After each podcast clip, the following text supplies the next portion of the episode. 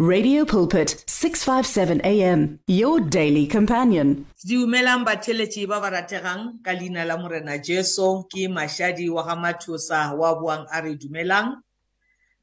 Eh ke sa buile go lena gape with the same topic the promise of heaven. Batheletši ba ka ke kgopela gore pele re thoma le mamotla nke re thomeng ka go leboga modimo ga re file sebaka sa go bua gape re kgobakana mo waeleseng re tlo go mo theeletša. Papa ka leina la morena jesu le letšatši la mamotlha kgoši re tla go wena ka dipelo tše di tletšeng tebogo re leboga nako e botse yeo sa fetšeng gore fa yona modimo wa ka gore re kwe wena. Re a rapela le nakong ya jwale re tšea dipelo tša rena re di fa wena re re ngwala lentšu la gago mo godimo ga tšona le godimo ga ditlhaloganyo tša rena. O ngwale thato ya gago gore tlo kgona go sepela ka bothaga mehleng eno ya bofelo re lebeletše wena re tlošitše matlho go dilong tše e leng gore ga di re gole. Re kgopela tšotlhe papa ka leina le le botse la morena jesu. Amen. Theletše wa ka nna mantšu a a nkuka a nkuka gore ke kgone go kwešiša gore dilo tše re di kwang dilo tše re di bonang tše di tlhagang around us They are none of my business, if you will allow me to use that language.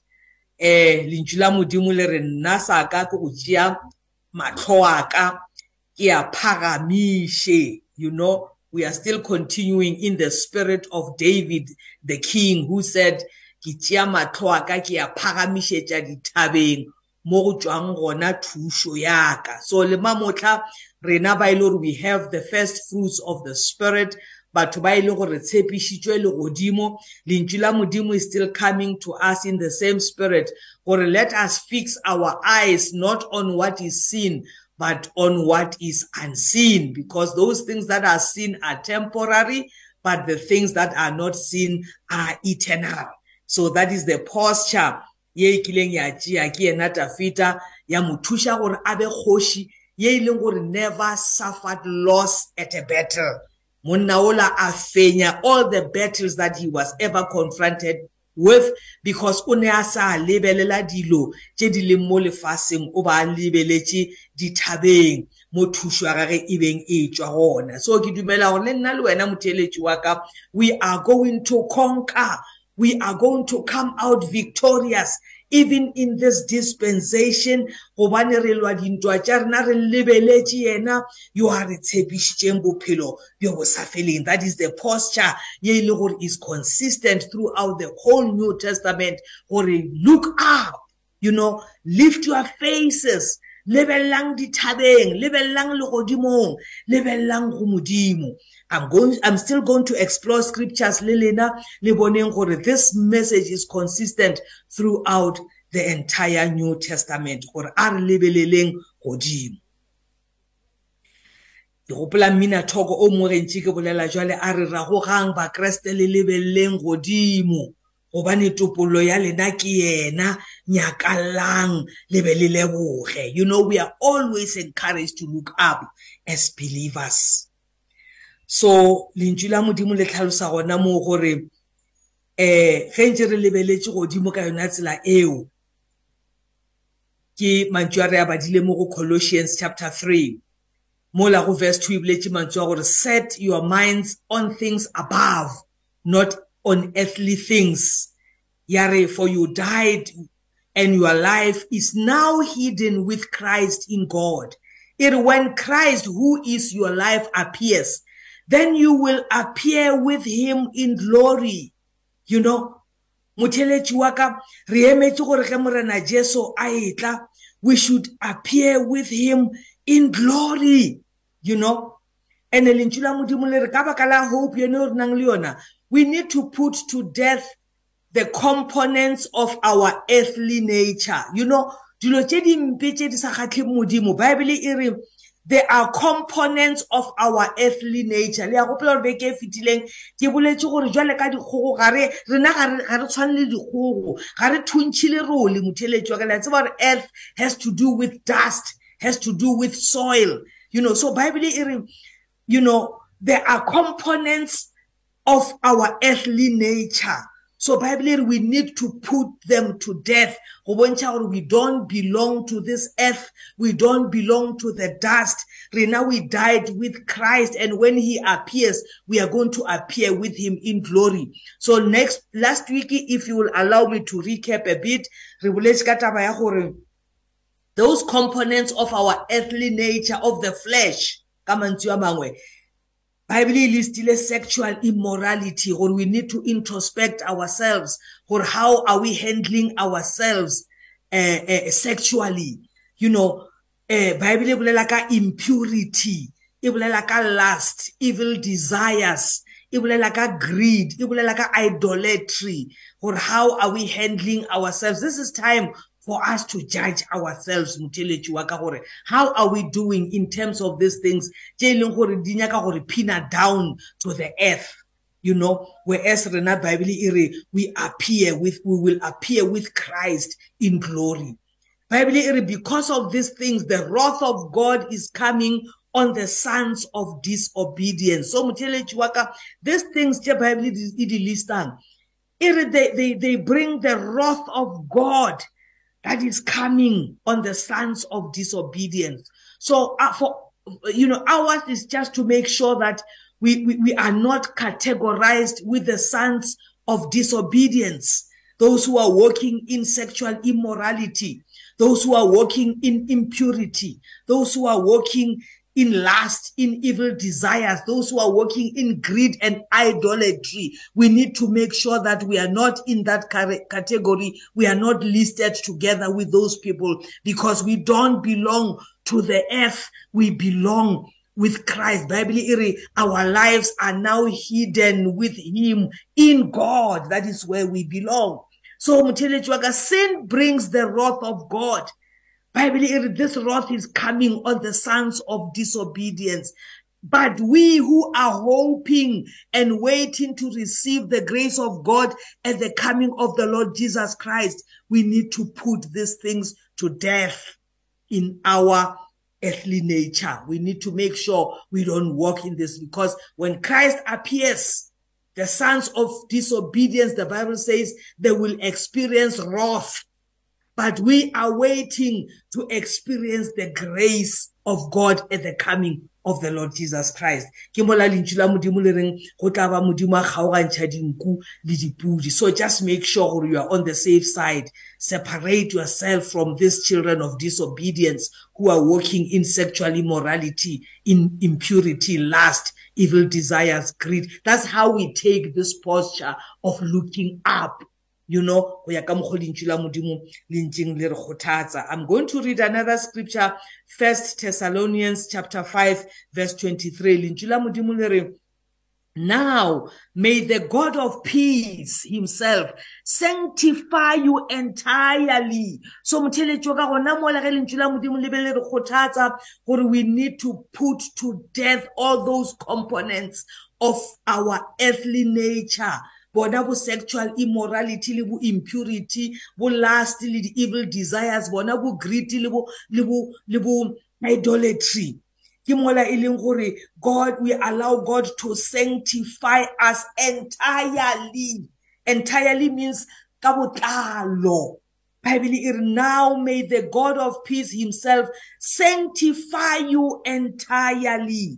Page la pele e re and may your spirit and soul and body be preserved complete without blame at the coming of our Lord Jesus Christ. This is the standard that God is setting for us to inherit this promise that God has given us.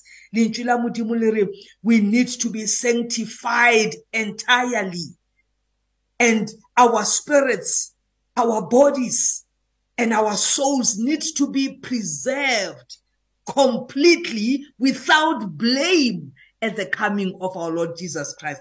And this is the position that we need to be in in order to receive the grace of God at his coming and not to experience the wrath of God together with the sons of disobedience. I hope I'm managing to unpack this truth very clearly to you. And then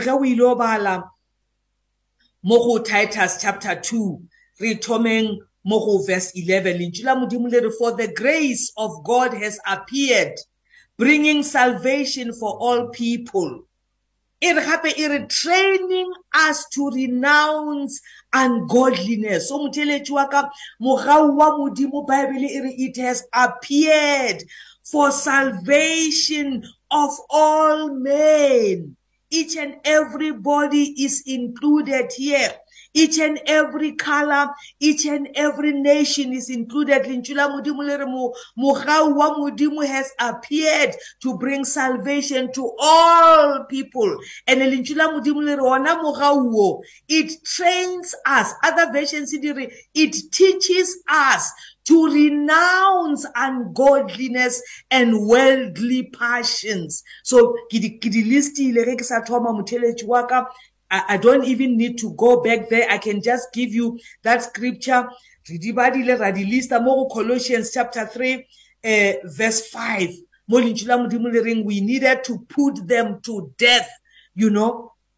So Bible iri mogau wa modimo o re thusha you know when we put this earthly components you know the components of our earthly nature. Bible re mogau wa modimo o a re thuša to renounce them to put them to death. Bible it trains us to renounce ungodliness everything ungodly the grace of God is enough, Muteleji Waka, to train us to renounce all those things as well as worldly passions. Ke gopola mantswe a Paulo ga na bolela ka morao wa modimo a re nna ebe ke le moetsadibi wa go feta baetsadibi ka moka. A re empa ge morao wa modimo o mphitlela it was overflowing. So the grace of God is enough for us Muteleji Waka to help us you know to renounce ungodliness and worldly passions. And to live self-controlled upright and godly lives you know in the present age re bolela gona mo nakong e re leng go yona mo re kwang ka dipego tša bobe di tswa gole le gaufi lentswe la modimo le re this grace that paul experienced as a, as a flood the day he met the Lord. Bible it trains us to renounce ungodliness and worldly passions and to live self-controlled, upright and godly lives in the present age. As we wait for our blessed hope. Kana motheletši wa ka re sa bolela ka the promise of heaven. Nna le wena bible we are groaning inside as we are waiting for our blessed hope the appearing of the glory of our great God and Savior Jesus Christ, who gave himself for us to redeem us from all lawlessness and to purify for himself a people for his own possession who are zealous for good works. So Mutelechiwaka, we are waiting for this hope, but we've got responsibility on our side. You know, we need to fulfill our side of the covenant. we, we, we need to be people who are zealous for good works. You know, this is a mouthful. It's a scripture from Titus chapter 2, verse 11 to 14. This is the posture that we need to take even as we are waiting for the coming of the Lord Jesus Christ, even as we are waiting for heaven, waiting for our blessed hope and the appearing of the glory of our great God. so motheletši wa ya legodimo comes with a lot of responsibility you know for us to be sanctified entirely for us to be without blame at the coming of the lord jesus christ you know. To receive this grace of God that trains us to renounce ungodliness and worldly passions so that we can live lives that are self-controlled. You remember when we were talking about the first fruits of the Spirit, when we were reading in Galatians, one of the fruits of the Holy Spirit is self-control. So Mudimu unana le lebaka le le botse motheletši wa ka to seal us with the Holy Spirit you know to give us because the holy spirit brings with him self control gobane modimo wa tseba gore as we wait for the coming of the lord jesus christ we need to live lives that are self controlled according to Titus chapter 2, verse from verse 11. We need to live lives that are self-controlled. Re tla khona jwang go emela morena Jesu motheletsi wa ka re sena self-control. Modimo ka baka la morao wa gagwe he gave us the Holy Spirit to allow us to live lives that are self-controlled, lives that are up upright, lives that are holy in this present age as we wait for our blessed hope, which is the appearing of the glory of our great God and Savior Jesus Christ, who gave himself for us to redeem us from all lawlessness and to purify for himself a people for his own possession who are zealous of good works nako e mpheletše batheletši ba ka a re tlhakaneng gape beke e tlang a modimo wa kgotso a le tlhogonolofatše Discover an abundance of life. 657 AM. Radio Pulpit understands that praying alone isn't always easy. So, join us to form a chain of prayer for you and with you. To do so, send in your prayer requests on 067 429 7564. That is 067 429 7564. Or alternatively, email us on prayer at radiopulpit.co.za. That is prayer at radiopulpit.co.za. You can now buy your favorite programs and series of the past 38 years on eCompanion, Radio Pulpit's own online shop. Revisit programs by beloved presenters like Justice Chungu, Cecile Burger, Esti Geldenhuys, and Pastor Aaron Jelle. Books and CDs from various authors and artists, as well as Radio Pulpit t-shirts, caps, and other branded products will also be available on eCompanion, your one-stop soul food shop. Visit radiopulpit.co.za and click on shop. T's and C's apply. You and 657 AM and life. A winning team on the road to eternity.